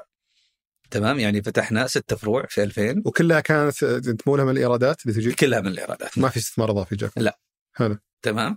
آه في ألف... هذا انهينا 2019 13 فرع وبدأنا فيها 2020 2020 آه ب... بدأت يعني بدينا خطه توسع آه في ش... كم متى بدأت كورونا؟ شهر مارش تقريبا. مارش إيه. آه كنا يعني على قولتهم في أوج صعودنا. في قبل ضربة كورونا مباشرة إلى درجة انه كان في حملة إعلانية سويناها كنت حتى أنا طلعت فيها مع أحد المؤثرين الأقوياء في ال- البلد وكان لها تأثير قوي بحكم إن إحنا تونا يعني بدأ الاسم خلاص ياخذ وضعه يعني. وصل ال 13 فرع منتشر حول الرياض يعني تل- ال 13 فرع منها ستة في الشرقيه يعني سبعة في الرياض تقريبا مغطي أغلب الرياض فكانت الحملة في وقتها ودخلنا معها عرض وكذا وكانت قوية جدا تأثيرها وكنا في أوج صعودنا لكن من حظنا السيء يوم الحملة هذا هو نفس يوم إعلان أول حالة كورونا في. المملكة. أوكي. تمام؟ يعني حرفيا كنا ضاربين ذاك اليوم أو ال ال أو ال ال الأسبوع اللي بعده ضاربين أعلى رقم مبيعات على مستوى المملكة بسبب إن تونا فاتحين هذا 13 فرع. يعني اثنين منهم كان توهم لهم شهرين فاتحين فلسه الناس تعرف عنهم. فأنت أول حملة تسويها في الفروع هذه. فكنت في أوج طلوعك وجت كورونا واللي صار مع أغلب المطاعم يعني كانت ضربة قوية أخرت كثير من الخطط تبعنا. طبعا كانت فترة صعبة يعني وفتره حدت الواحد إنه ياخذ قرارات يكره إنه ياخذها حدت الواحد إنه يعني يكون very aggressive يعني آه، عنيف جدا عنيف جدا في قراراته إنه بحيث إنه يحافظ لأنه لأنه حرفيا المطاعم قطاع حساس جدا من ناحية المربحية. آه، إنك يصير عندك هزة في المبيعات كذا تأكل أرباحك مباشرة وتبدأ تدخل في خسائر. تمام؟ فما بالك بهبوط شبه تام في المبيعات أول آه، فترة آه، حصل في هذا. ولكن الحمد لله تجاوزنا المرحلة. مجرد ما بدأ السوق آه، يتعافى كان لا زال عندنا إشكالية. السوق مو قاعد يرجع للوضع الطبيعي. ال- هذا لسه ما بعد يفتح بعد آه، رمضان اللي صار. مم. فالسوق ما بعد يرجع للوضع الطبيعي فكنا أمام خيارين يعني أنت في النهاية إيش مشكلتك؟ أنت مشكلتك مش أساس التكاليف اللي هي الإيجار كذا تشكل شيء أساسي بس مشكلتك الرواتب. تمام؟ عندك عدد المصاريف الثابتة هذه مصاري- مصاريف الرواتب إيه. باختصار يعني أنت عندك عدد ضخم من الموظفين رواتب عالية كم كان موظف عندكم موظف وقتها؟ ما اذكر ما أذكر عدد بس يمكن حول ال 500 600 أوه ما شاء الله كله يعني أغلبهم موظفين فروع اي أنت مع كل فرع كم موظف تحتاج توظف؟ حسب يعني ذيك الأيام بعض الفروع كان يوصل فيها الفرع إلى 60 موظف والله بعض الفروع ياكلون الزباين ذولي بعض الفروع أوكي طبعا الموديل تغير لاحقا لكن إيه يعني كانت توصل لهذه الأرقام. بس الآن لا هل. له علاقة بتحولكم من فروع كبيرة لفروع صغيرة؟ اي طبعا. طبعا أنتم بديتوا أول شيء ب- الأكبر سبب للتحول هذا كان كورونا تمام؟ كورونا يعني خلاك تاخذ ال- الخطة موجودة من أول. وهي أصلا أساس في استراتيجيتنا من زمان أننا نتحول أكثر وأكثر إلى فروع للطلبات الخارجية. تقدم نفس المنتجات ولكن لطلبات خارجية. حلو. هذا باختصار آه، الفكرة موجودة من قبل. كورونا دفتنا ان نتحرك فيها بشكل أسرع. بس في طبعا يكون في كراسي جوا اللي ما في ولا كرسي. مرة. ابدا.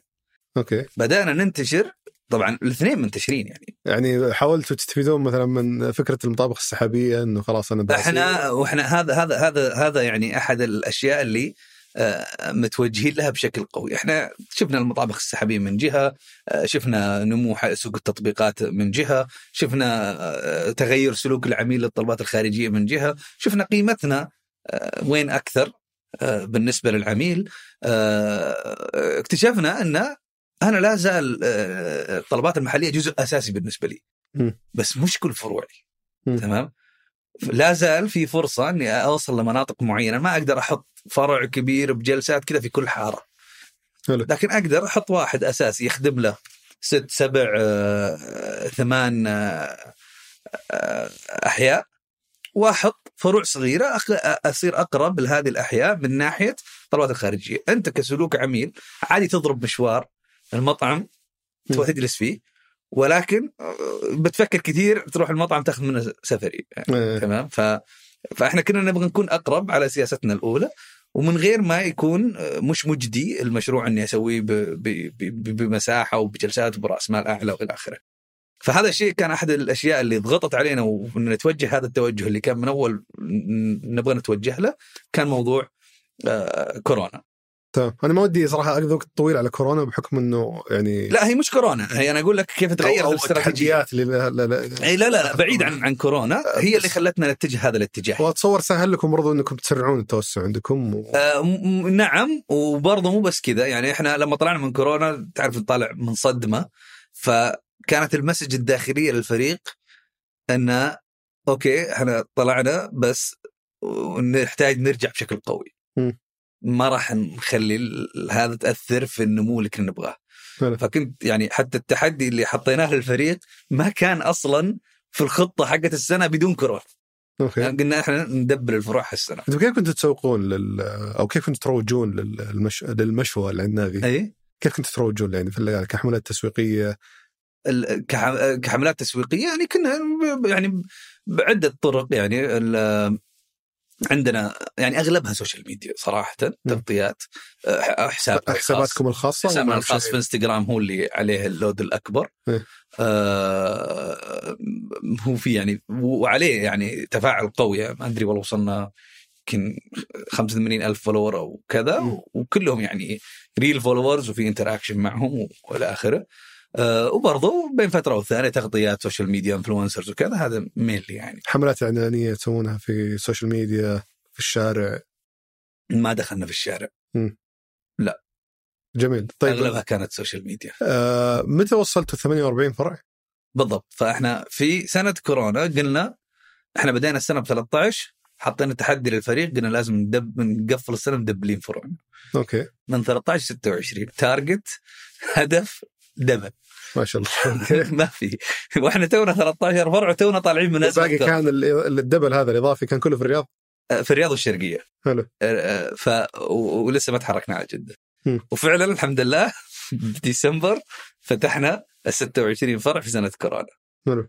بدينا السنة اللي بعدها صرنا طماعين. قلنا لازم السنة هذه بعد نبغى ندبل الفروع آه، السنة هذه. فمن 26 إحنا الآن وصلنا 48 فرع. في 2021 وإن شاء الله آه، عندنا خطه بس وش. هدفك في التو... ما أنت قاعد كل سنة تدبل بعد فروع وش لا؟ السنة الجاية مش ناويين ندبل okay آه، تمام يعني وش كان الهدف؟ إي إحنا أنا أنا بقول لك وش الهدف أول شيء آه، إحنا مو الهدف ان أتوسع بس. تمام الهدف أتوسع طول ما إن في سوق للتوسع مم. طبعا لو لاحظت سياستنا في التوسع إحنا بدينا المنطقة الشرقية لين غطينا جزء كبير منها. استقرت طلقنا الرياض غطينا جزء كبير منها استقرت طلقنا لجده ما انطلقنا لجده إلا بعد أكثر من حوالي شيء و30 فرع. تخيل يعني الشرقية والرياض وصلوا شيء و30 فرع بعدين فتحنا جدة أعتقد كان رقم 37 أو. شيء زي كذا. آه ليه؟ لأني أنا لازم أبني بنية تحتية في المنطقة اللي أنا أروحها متكاملة أسهل لي لما أجي أتوسع. مم. تمام؟ فلما رحنا جدة مباشرة إحنا رايحين جدة ثمان فروع طقة واحدة مطبخ مركزي آه، المكتب المستودعات الفريق اللوجستيك عندي فريق قانوني إلى آخره. هذا شيء طبعا ما كنا ما كان عندنا هذا آه، هذه الإمكانيات في الفرع الأول. لكن صار عندكم إجراءات واضحة إي ولما؟ رحنا الرياض لاحظنا ان فعلا قعدنا بنينا هذا الشيء على مراحل وأخطأنا في أشياء أثناء البناء. قلنا ليتنا من أول مؤسسين صح؟ وش ابرز الاختلافات بين الثلاث مناطق بين الشرقية والرياض وج- وجدة اللي لاحظتوها في والله شوف يعني للأمانة ما أقدر أعطيك اختلاف واضح لأنك حتى أنت كبراند قاعد تتطور. يعني لما فتحت في الشرقية ما كنت نفس لما فتحت في الرياض ولا كنت نفس لما فتحت في جدة بس قصدي هل في تحديات يعني تميز فيها منطقة معينة وخاصة ما لاحظت شيء بالدرجة هذه صراحة مم. فكانت كلها تقريبا تجارب متشابهة اللهم إيه. خبرتكم تسهل لكم إنكم آه، صحيح توسعون بشكل أفضل صحيح صحيح بس مع كل هالتوسع ما شاء الله الحين كم 48 فرع و1000 موظف الظاهر وصلتوا صح؟ تقريبا نعم ما شاء الله و400 منهم سعوديين حتى آه تقريبا إيه. آه. 350 و- ك- كيف تجربتكم في توظيف السعوديين بالمناسبة؟ آه بدون بدون آه، اي لا لا آه، لا أسماء. لا, لا بدون خطه بعصمه ولا شيء إحنا صراحة يعني ما, ما في شك يعني المرحلة ال- ال- إنك آه، يكون عندك. طبعا إحنا خلينا نقولها هي على مرحلتين. توظيف السعوديين في الإدارة وتوظيف السعوديين في الفروع. إحنا قوتنا في البدايات كنا كل توجهنا كانت النسب أقل في البدايات وكان. توجهنا أغلب السعوديين كانوا عندي في الإدارة في مركز الاتصال. مم. تمام؟ فكانت عندي وظائف الموارد البشرية عندي وظائف المالية جزء كبير منها إن لم يكن كلها سعوديين. حتى يعني نائب المدير العام آه، سعودي وهو المسؤول عن التشغيل بالكامل حلو. تمام؟ ف ف وناهيك عن باقي التفاصيل هذه كلها على المستوى الإداري. حتى على مستوى تطوير المنتج عندنا سعوديين يعملون في هذا المجال. تمام؟ على مستوى الفروع إحنا من البدايات أيضا موجود عندنا هذا الشيء وطبعا مع من 2015 اليوم كلها تزيد النسب معك ويزيد عدد السعوديين معنا في الفروع. م. إيش تجربتنا؟ خلينا نقول على مستوى الفروع. تمام؟ تجربتنا على مستوى الفروع يعني أنا أي أحد زار المشوى العنابي يقدر يشوف هذا الشيء بنفسه. تمام؟ المشوى العنابي نجح نجاح كبير في استقطاب السعوديين. و... وكان في آه، يعني حلول آه، مبتكرة آه، صارت من إدارة الموارد البشرية عندنا مكنت إن نقدر نستقطب المزيد من السعوديين واستقرارهم واستمراريتهم؟ طبعا تصير وتتغير وتبقى. يعني مثلا جات فترة إننا آه، وفرنا آه، سكن كامل للسعوديين اللي جايين مثلا من خارج الرياض للعمل في الرياض. أوكي. تمام؟ فنوفر له السكن كامل وكل شيء باختصار بيكون قريب من الفرع بحيث إنه خلاص هو عنده سكنه ومصاريفه بالكامل ويكون مرتاح إنه يروح للدوام ويرجع لسكنه ولا جاء الويكند يقدر يروح آه، المنطقته مم. تمام آه، فهذه مثلا من الحلول اللي اشتغلنا عليها مو مكلفة؟ إلا مكلفة طبعا. لكن كانت لابد منها عشان تضمن استقرارية آه، استقرار طبعا بعضها استمر بعضها ما استمر يعني بعض الحلول كانت مؤقتة بعض الحلول استمرت يجربون يشوفوا شو إيه يعني حتى لو تسألني الحين بالضبط إيش التفاصيل يمكن فريق الموارد البشرية عندنا آه، يفيد يفيدك بشكل أكبر. لكن حاليا آه، اللي حاصل طبعا الفترة هذه إحنا من كم يوم طبق قرار جديد في نظام المطاعم اللي هو لازم يكون في 20% من السعوديين في الوردية الواحدة. الآن المفتش مو لازم يشوفك في المفتش مو لازم يشوف كم انت موجود في مكتب العمل، المفتش الآن يجيك الفرع ويعد. كم في في الفرع؟ في أي وقت؟ إذا ما في 20% سعوديين يخالفك. ممتاز. تمام. فيعني ما عاد فيها إنه والله آه، السعوديين غير متواجدين إلى آخره. طبعا هذا الشيء أيضا مرهق. هو لو أنت 20% إحنا أصلا اوريدي عندنا أكثر من 20% بس ممكن يصادف إنه السعوديين. غايبين. فت- فتصير أنت تضطر تحط أكثر من 40% عشان لو غاب سعودي. عشان لو غاب سعودي الثاني موجود فهمت قصدي؟ آه، فطبعا يعني ما في شك وبعيدا عن الشعارات السعوديين عندنا رائعين ويشتغلون في ناس عندنا يشتغلون حتى في داخل المطبخ. عندي فرع آه، يعني يمكن أنا أول مرة أقول هذه المعلومة لأن قيد التجربة ما أخذنا بجدية. عندنا فرع 100% سعودي. تمام؟ لا زال تحت التجربة. مم. 100% سعودي أحد الفروع الصغار هذه. 100% سعودي. في تشالنجز وفي مشاكل وفي كذا ولكن بشكل عام التجربة متجهة للنجاح. بس اجمالا بما انكم ما شاء الله وظفتوا عدد كبير من السعوديين أي نعم. 400 400 سعودي. طبعا هذا هذا هذا الشيء يعني مو بس إحنا يعني إحنا أي منظومة لا مطلوب منها أصلا هذا الرقم. أكيد أكيد وصلت يعني هذا في. نسب سعوده بس إيه. المقصد إنه ال- السؤال اللي بسألك إياه إنه هل لاحظتوا فيه أشياء تميز السعوديين عن عن غير السعوديين في في العمل؟ وما أتكلم عن إنه. السعودي كفو يا عمل نعرف الشيء هذا. قصدي الشيء فعلا فادك ك business؟ الآن إحنا بدأنا نوصل لهذه المرحلة. إنه قيمة مضافة لك ك business مو مو ال- كسعودي. المشكلة المشكلة في الشباب عندنا آه، جادين في عملهم للأمانة تمام؟ هذه مشكلة؟ و- لا أعرف مو مشكلة إن جادين جدا في عملهم للأمانة لكن في بعضهم هو ما يبغى يتطور. يعني و- يعني حرفيا في عندي واحد أقول له صير مدير فرع يقول لك لا ما أبغى المسؤولية. ليش؟ تمام. لكن عندي في النهاية أقنعناه يعني. تمام. هو الآن الأخ عبد الله العلوان الآن أحد مدراء الفروع. قعدنا نقنع أقناع. تكفى صير مدير فرع. تمام. آه وهو يقول لك لا أنا ما أبغى المسؤولية. تمام. وفي ناس لا بالعكس يطمح أنه يترقى وكذا. وعندنا الآن إذا ماني غلطان خمسة مدراء سعوديين مدراء فروع.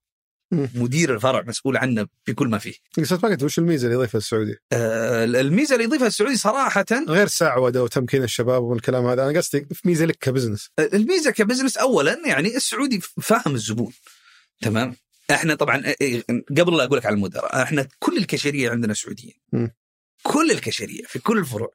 تمام؟ فتفاهمه مع الزبون آه، تعامله مع الزبون آه، فهمه للزبون أفضل. بكثير من الأجنبي مم. تمام آه، أنا قصدي هل ممكن مثلا السعوديين آه، ال- قللوا نسبة الشكاوي مثلا هل يعني هل نعم هذا هذا قصدي نعم يعني. نعم إلى حد كبير نعم حتى في ال call center يعني مم. في ال call center يعني حرفيا يعني تجيني مكالمات يا أخي ما شاء الله عليهم الشباب اللي عندك ما شاء الله عليهم جيدين جدا يعني عندي مركز اتصال بالذات مم. يعني يجيني عليه كمية مدح مو طبيعية وكانك تتصل على مركز اتصال شباب فعلا يعني عند- عندهم سعه صدر يرد على العميل بهدوء ياخذ ويعطي معه مره مرة يعني يحس فيها العميل. فكونه من يعني فاهم. للزبون يعني.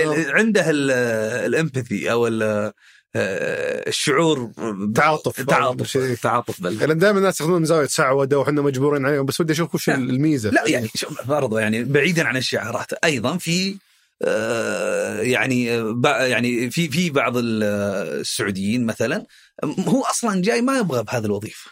تمام هو ما يبغاها بس ماخذها كشيء مؤقت وهذا طبيعي في بس هذا القطاع الاصل. هذا طبيعي في القطاع على مستوى العالم فهذا الشيء اللي يخلي يعني ال- ال- النقاش لما الواحد يقول لك أنا آه، ملزم عدد كبير من السعوديين إلى آخره يمكن لأن طبيعة مجالنا شوي شوي يعني أنا أعطيك مثال علي أنا شخصيا. أنا في 2010 أول مشروع فتحناه كان في الظهران مول عبارة عن مقهى slash مطعم تمام؟ كنت أوقف بنفسي في المطعم أوقف على الكاشير نزل أكل على الطاولات أنا شخصيا. حرفيا هذا كلام 2010 ف حرفيا ما كان في أحد يمر إلا لازم يوقفني آه، أنت سعودي؟ غريب بالنسبة له إن في سعودي في مطعم. هذا قبل عشر سنوات. شوف الانتقال الآن. أنت تدخل أنت محل تحصل ما تحصل في سعودي الآن صار 20% مع. القراءة. فالنقله السريعة هذه طبيعي إن في ناس ما تتقبل الوظيفة في البداية، في ناس ما هي مستوعبة إن فيها فرص كبيرة له، في ناس مو شايفة التطور الوظيفي من وراها، لكن الآن لا بدأ يتغير هذا الوضع، الشباب اللي عندنا شايفين إن في تطور وظيفي، يعني أنت الآن لو تطورت من من كاشير إلى مشرف إلى مدير فرع إلى مدير منطقة إلى مدير فروع إلى مدير إقليمي، كل هذه مجالات تطور وحصلت عندنا مم. تمام؟ فالفرصة مفتوحة للجميع. اللي ياخذها بجدية بي- بيلقى نتيجة. ما في شك إنه بيلقى نتيجة. طبعا ودي أنتقل لنقطة ثانية عشان بس ما نعم. ان آه، ما ناخذ كبير من ال- ال- الوقت على الموضوع هذا. آه، أنت الآن وصلت 48 فرع. المنيو ما تغير صح؟ نعم. آه، زاد يعني صنف واحد. مع إنه عندك أشياء يعني تقدر بسهولة تضيفها وتوصل يمكن بتحقق مبيعات أكبر. نعم. أزعم. نعم. زي مثلا موضوع السندوتشات. نعم. خبز حط فيه. هذه هذه المشاوي أصعب. التعامل معها مقارنة سندوتشات اللي ممكن اذكر انه كان في مطعم ما أدري صراحة الحين إلى الحين موجود ولا لا. بس زمان كان في مطعم اللؤلؤ ما أدري إذا شفته هنا في, أي في نعم. الرياض. آه، ما, أدري صراحة من زمان ما مريته كنت كنا نمر زمان آه، ناخذ منه مشاوي بسندوتشات فوق السيارة قلنا كلها جنب المطعم إيه، إيه،. فالسندوتشات مرة شيء مريح إيه، نعم. للعملاء فعندك جانب السندوتشات وعندك جانب الرز بعد اللي ما يحتاج يعني يشرح العالم كلهم كلها وجهات نظر تشغيلية أكثر من وجهات نظر تسويقية ليش ما تشوف إنها تسويقية أكثر؟ لا أنا قصدي سبب القرار فيها تشغيلي أكثر من إنها تسويقي يعني ساندويتش أنا عارف أنت بس- عندك أنت كل المكونات توصل إيه. حتى الخبز صحيح. لكن كل تغيير في سير العمل الداخلي ممكن يأثر على التشغيل عندك. تمام؟ هذا لا يعني إنه ما راح نصدر الساندويتش. تمام. إحنا عندنا توجه لنصدر الساندويتش لكن إحنا نؤمن إن الساندويتش عميلة مختلف عن عميل المشاوي. هل تعتقد إن تقديم منتجات جديدة بيصعب التشغيل وبالتالي. بيبطئ التوسع لا أو بيأثر مو بس كذا يعني هو مو بس التشغيل وفي برضو الصورة الذهنية للعلامة التجارية وهندسة المنيو نفسها تفرق. ال- كيف؟ اللي يطلب مشاوي غير اللي يطلب سندويشات شلون معليش ممكن توضح أكثر؟ يعني أنت الآن تطلب سندويشات. كم حسابك؟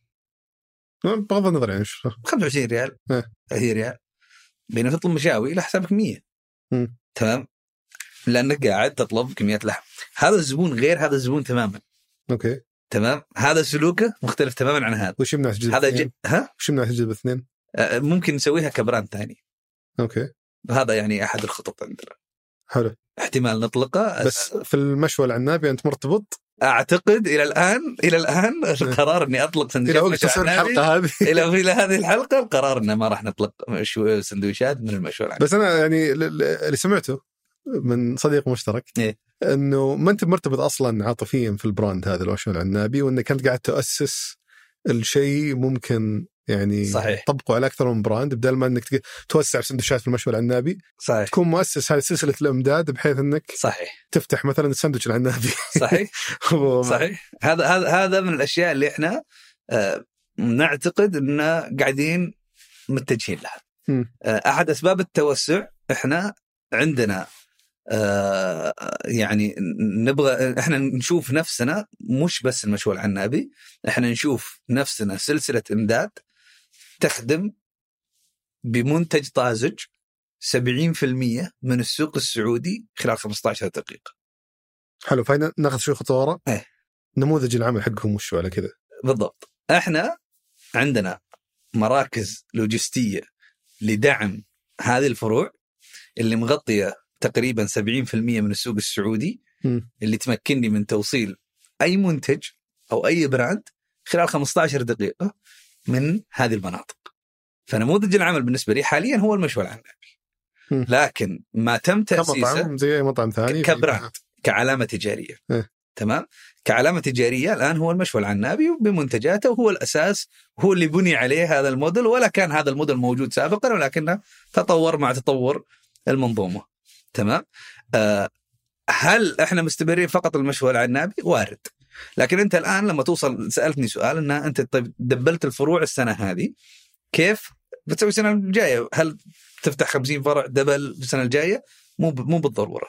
أنت عندك عدة خيارات للتوسع. آه، أول شيء أنت لازم تحافظ على اللي أنت بنيته وتستمر عليه ومو شرط إنك تتوسع يعني مو دائما التوسع سياسة جيدة تمام لكن هل أنت تبغى تنمو بأي شكل من الأشكال. وهذا طبيعي في أي مشروع تجاري إنك تفضل إنك دائما تستمر بالنمو أفضل إنك تستمر بالتاكل والموت تمام؟ فعندك عدة خيارات. هل أنا أنطلق لأسواق جديدة؟ هل أنا أطلع بالعلامة التجارية؟ هل أنا أبيع آه، امتياز تجاري؟ هل أنا أطلق منتجات جديدة؟ هل أنا آه، أطلق براندات جديدة؟ تمام؟ في نفس السوق اللي أنا فيه. هل أنا أتوسع على مستوى سلاسل الإمداد؟ أدخل في مسألة إنتاج اللحوم أو فأنت تشوف نفسك إنك قاعد. تبني منظومة اولا ثم المشوى المشوى النابي ثانيا. آه لا أنا بنيت المشوى العنابي والمنظومة مع لا بعض. قصدي ب- ب- يعني للمستقبل. للمستقبل. أنت تشوف المنظومة قبل المشوى المشوى النابي هي الأساس المنظومة. آه، المنظومة هي آه، هي بنية تحتية مميزة في السعودية تختلف عن أغلب المطاعم في السوق. قصدي ممكن مثلا يعني نفترض جدلا انك يجي يوم من طلع استراتيجياتنا. لا لا. قصدي ممكن يعني ممكن في يوم من الأيام تقول مشروع النبي يعطيك العافية قفل افتح شيء ثاني على نفس ال... إن شاء الله لا. لا قصدي يعني لا. ما أنت بمره يعني ما أنت مسوي الموضوع كله لمشروع النبي؟ نعم. المشروع يعني النبي هو جزء مو, مو, نعم يعني لكن في خلينا نقول مخرج. في. حال إنك أنت ما تبغى. تشتغل مشروع النبي اي هذا هذا قصدي إنه أنت إيه. تأسس الشيء ما هو مرتبط إيه فقط أنا مو الهدف إني ما أكون مرتبط بالمشروع العنابي لا المشروع العنابي جزء لا يتجزأ من ال- ال- ال- البزنس موديل تبعك أو نموذج العمل تبعك. العنابي جزء لا يتجزأ منه. هو الأساس تمام؟ ولكن قابل هذا النموذج للتوسع. إحنا ننظر له أننا قاعدين نخلق نموذج جديد يخل... يدمج ما بين تشغيل علامتك الخاصة وما بين نموذج المطابخ السحابية. مم. هذا النموذج اللي إحنا قاعدين نحاول آه، يعني آه، نتمكن من تركيبه. ممكن مثلا تورد مستقبلا لعملت علامة تجاريه أخرى مو تبعك مو هذا هذا يعني مش أحد الأهداف. ممكن توسع برا السعودية آه، مطروح بس ما هو مفضل. أوكي إيه. ما زالوا ما زلت تناقشون فيه. لا مو مو ما زلنا نتناقش فيه ما هو ما هو ما هو ما, ما نشوفه أفضل فرصة. وهل بتستثمر أكثر في المنظومة أو الأشياء اللي تدعم آه، تشغيل المشوى العنابي المشوى العنابي تحديدا مثلا يعني هل ممكن تستثمر أكثر في أتمتة المشاوي على سبيل المثال؟ وارد. مم. تمام. احس قاعد أفضحكم أنا الحين لا وارد لا وارد لا إحنا إحنا إحنا يعني كيف اننا هي هي عشان أشرحها بشكل مبسط أكثر. أنت بالنهايه استثمرت في أكثر من 50 فرع الآن. في المنطقة. وفي مناطق ممتازة، فأنت بنيت بنية تحتية كبيرة. هذه البنية التحتية قادرة إنها تبيع المشوى العنابي وغير المشوى العنابي. تمام؟ مم. قادرة. مو بالضرورة إني أنا أتجه لها ولكنها قادرة، لازم فكرك يكون إنها قادرة.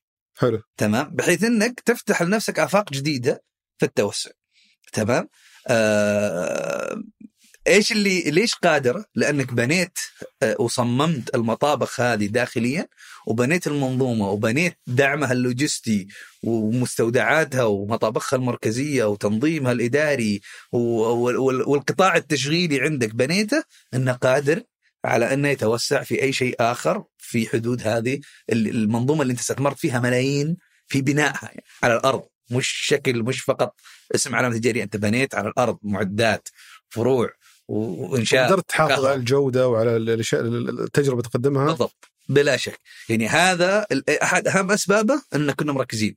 أنا عيني على الفروع. خلص من الشرقية. تكتمل الشرقية. أزورها بنفسي. أزو- يزورونها الم- المشرفين الجودة. يزورونها مدراء التشغيل. كلها تحت عيني. ما رحت رميت لي فرع. في حايل وفرع في جيزان ويلا اركب طيارة شيء مجرد ما تضبط الإجراءات التشغيليه تضبط إيه يعني. أنت في النهاية ال- المطاعم ليست ليست مجرد ريسبي ليست مجرد وصفة. وليست مجرد حتى know-how اللي هو ال- المانيو- دليل التشغيل أنا ممكن أجيب لك brand قوي جدا جدا جدا في أمريكا مم. تمام وأجيب السعودية ويفشل مو لأنه ما لاقى قبول فقط قد يكون ما لاقى قبول ولكن قد يفشل بسبب سوء التشغيل ال- ال- المطاعم باختصار هي حرب يومية في التشغيل. لازم تنتصر يوميا في هذه الحرب. حلو. تمام؟ أنت في يوم وليلة ممكن تفقد الكواليتي لازم كيف تضمن إنك ما تفقدها؟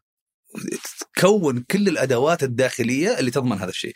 أنت تقلل مناطق الخطأ داخل الفرع تمام؟ قد ما تقلل الأعمال اللي يقوم فيها الموظف قد ما تقل فرص الخطأ. هذا واحد. اثنين آه، تمكن الأدوات الرقابية عندك في المنظومة. زي إيش؟ زي إدارة الجودة ال- ال- ال- ال- المدير ال- ال- الفرع بالرجوع على المدير المدير المنطقة إلى المدير الفروع إلى المدير الإقليمي. تمكين الإدارات الإقليمية. إحنا الهيكل التنظيمي عندنا إدارات إقليمية إقليمية مس- مستقرة. كل واحدة بكيانها.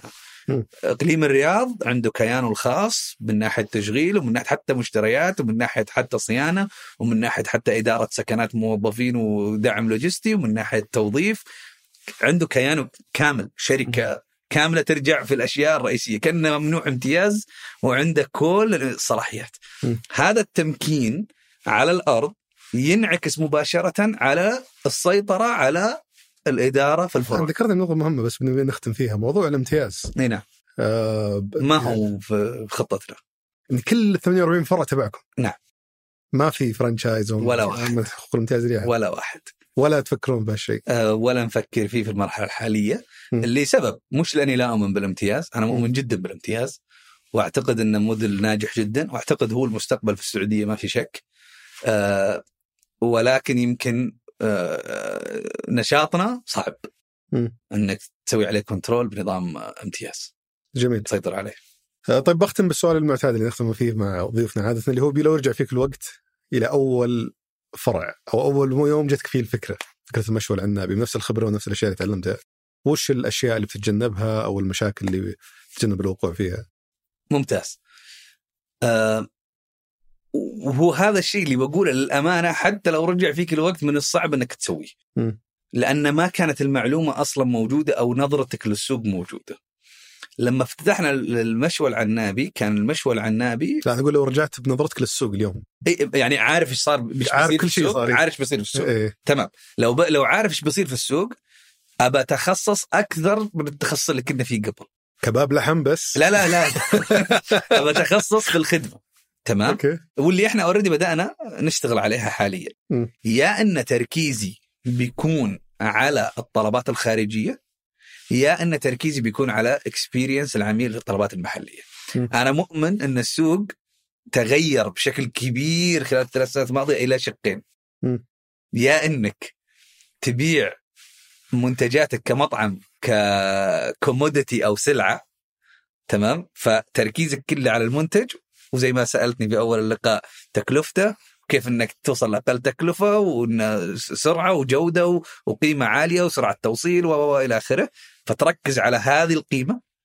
أو إنك تنطلق 100% إلى شيء trendy good experience يعني تجربة عميل مختلفة شيء جديد على السوق آه، خدمة عالية سعر عالي فهذا حتى كورونا يمكن آه، شدت على هذه النقطة. بالضبط إيه. نعم. وبعدين يعني آه، كبر الف... مو كبر الفجوه كبر الفجوه لا صحيح كبر إيه. الفجوه إنه خ... بعد المطاعم اللي تقدم خدمة نعم جيدة. صار إيه. صار. يا إنك تتميز جدا في تقديم الخدمة والتجربة وإلى آخره وما عندك مشكلة في السعر فأنت هنا قاعد تبيع ترفيه أكثر من إنك قاعد تبيع منتج. أنا ذكرتني أنت وهنا تبيع سلعة. ذكرتني فعلا بعد كورونا تحديدا تجربتي الشخصية على الأقل. نعم. ما عاد أروح في مطعم آخذ منه تيك اواي وأروح له. بالضبط. يا أني أروح له. دلع نفسك في إيه. experience بالضبط. أو أني أنك تطلب. سفري. أما أني سالفة أني مرة هذه الفجوة قاعدة تزيد تزيد تزيد بين المطاعم. okay. بين ال ما انت شفت يعني تخصص من كامل البداية. نعم. لو يا كل. ارجع بالزمن أتخصص كذا. وهذا الشيء للأسف قاعد ألاحظه يعني أخطاء كثيرة من اللي يبدون في القطاع من جديد. يجي أنا يبغى يروح لجهة ال experience. طيب رأس مالك منخفض. ومحلك مساحته 120 متر صعب إنك تقدم هذا ال experience. تمام؟ لازم تبدأ شيء أقوى. أو إذا بت- إذا بتنخفض يعني بتنزل بال experience يعني فكر في ال experience مش في المنتج. مم، فكره تجربة العميل إي المنتج طبعا جزء من ال experience بس أقصد إن أنا لازم أفكر في التجربة كاملة. إني آخذ لي فتحة صغيرة وخلينا نقول آه، فيها ثلاث أربع طاولات على جنب وفي النهاية قاعد أبغى أسويها ك experience. طيب أنت طاقتك الانتاجيه أربع طاولات. إيه تمام لازم. يعني زي, زي. المقاهي اللي تجيك مثلا تجيب لك الحلقة حقها سيء لكن العامل يرقص ويسوي لك إياه. بالضبط كذا. وفي مساحة كبيرة أيوه. وفي جلسة. وأشياء حفلة. بالضبط. يعني اسمه- ترفيهي أكثر من يعني أنا جاي أعيش تجربة. إيه. تمام؟ هنا أعيش تجربة هنا أنا أبغى منتج. تمام؟ هذه الفجوة قاعدة تكبر ويعني كثير كثير الأيام هذه قاعد يخطون هذا الخطأ.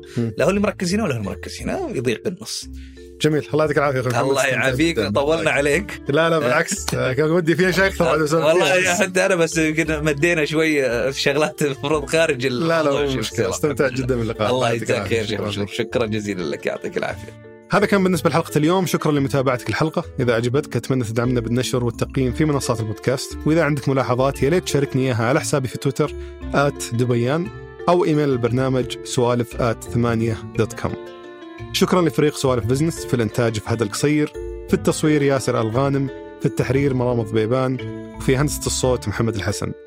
شكرا للراعي الرسمي مصرف الراجحي. كان هذا سوالف بزنس أحد منتجات شركة ثمانية للنشر والتوزيع.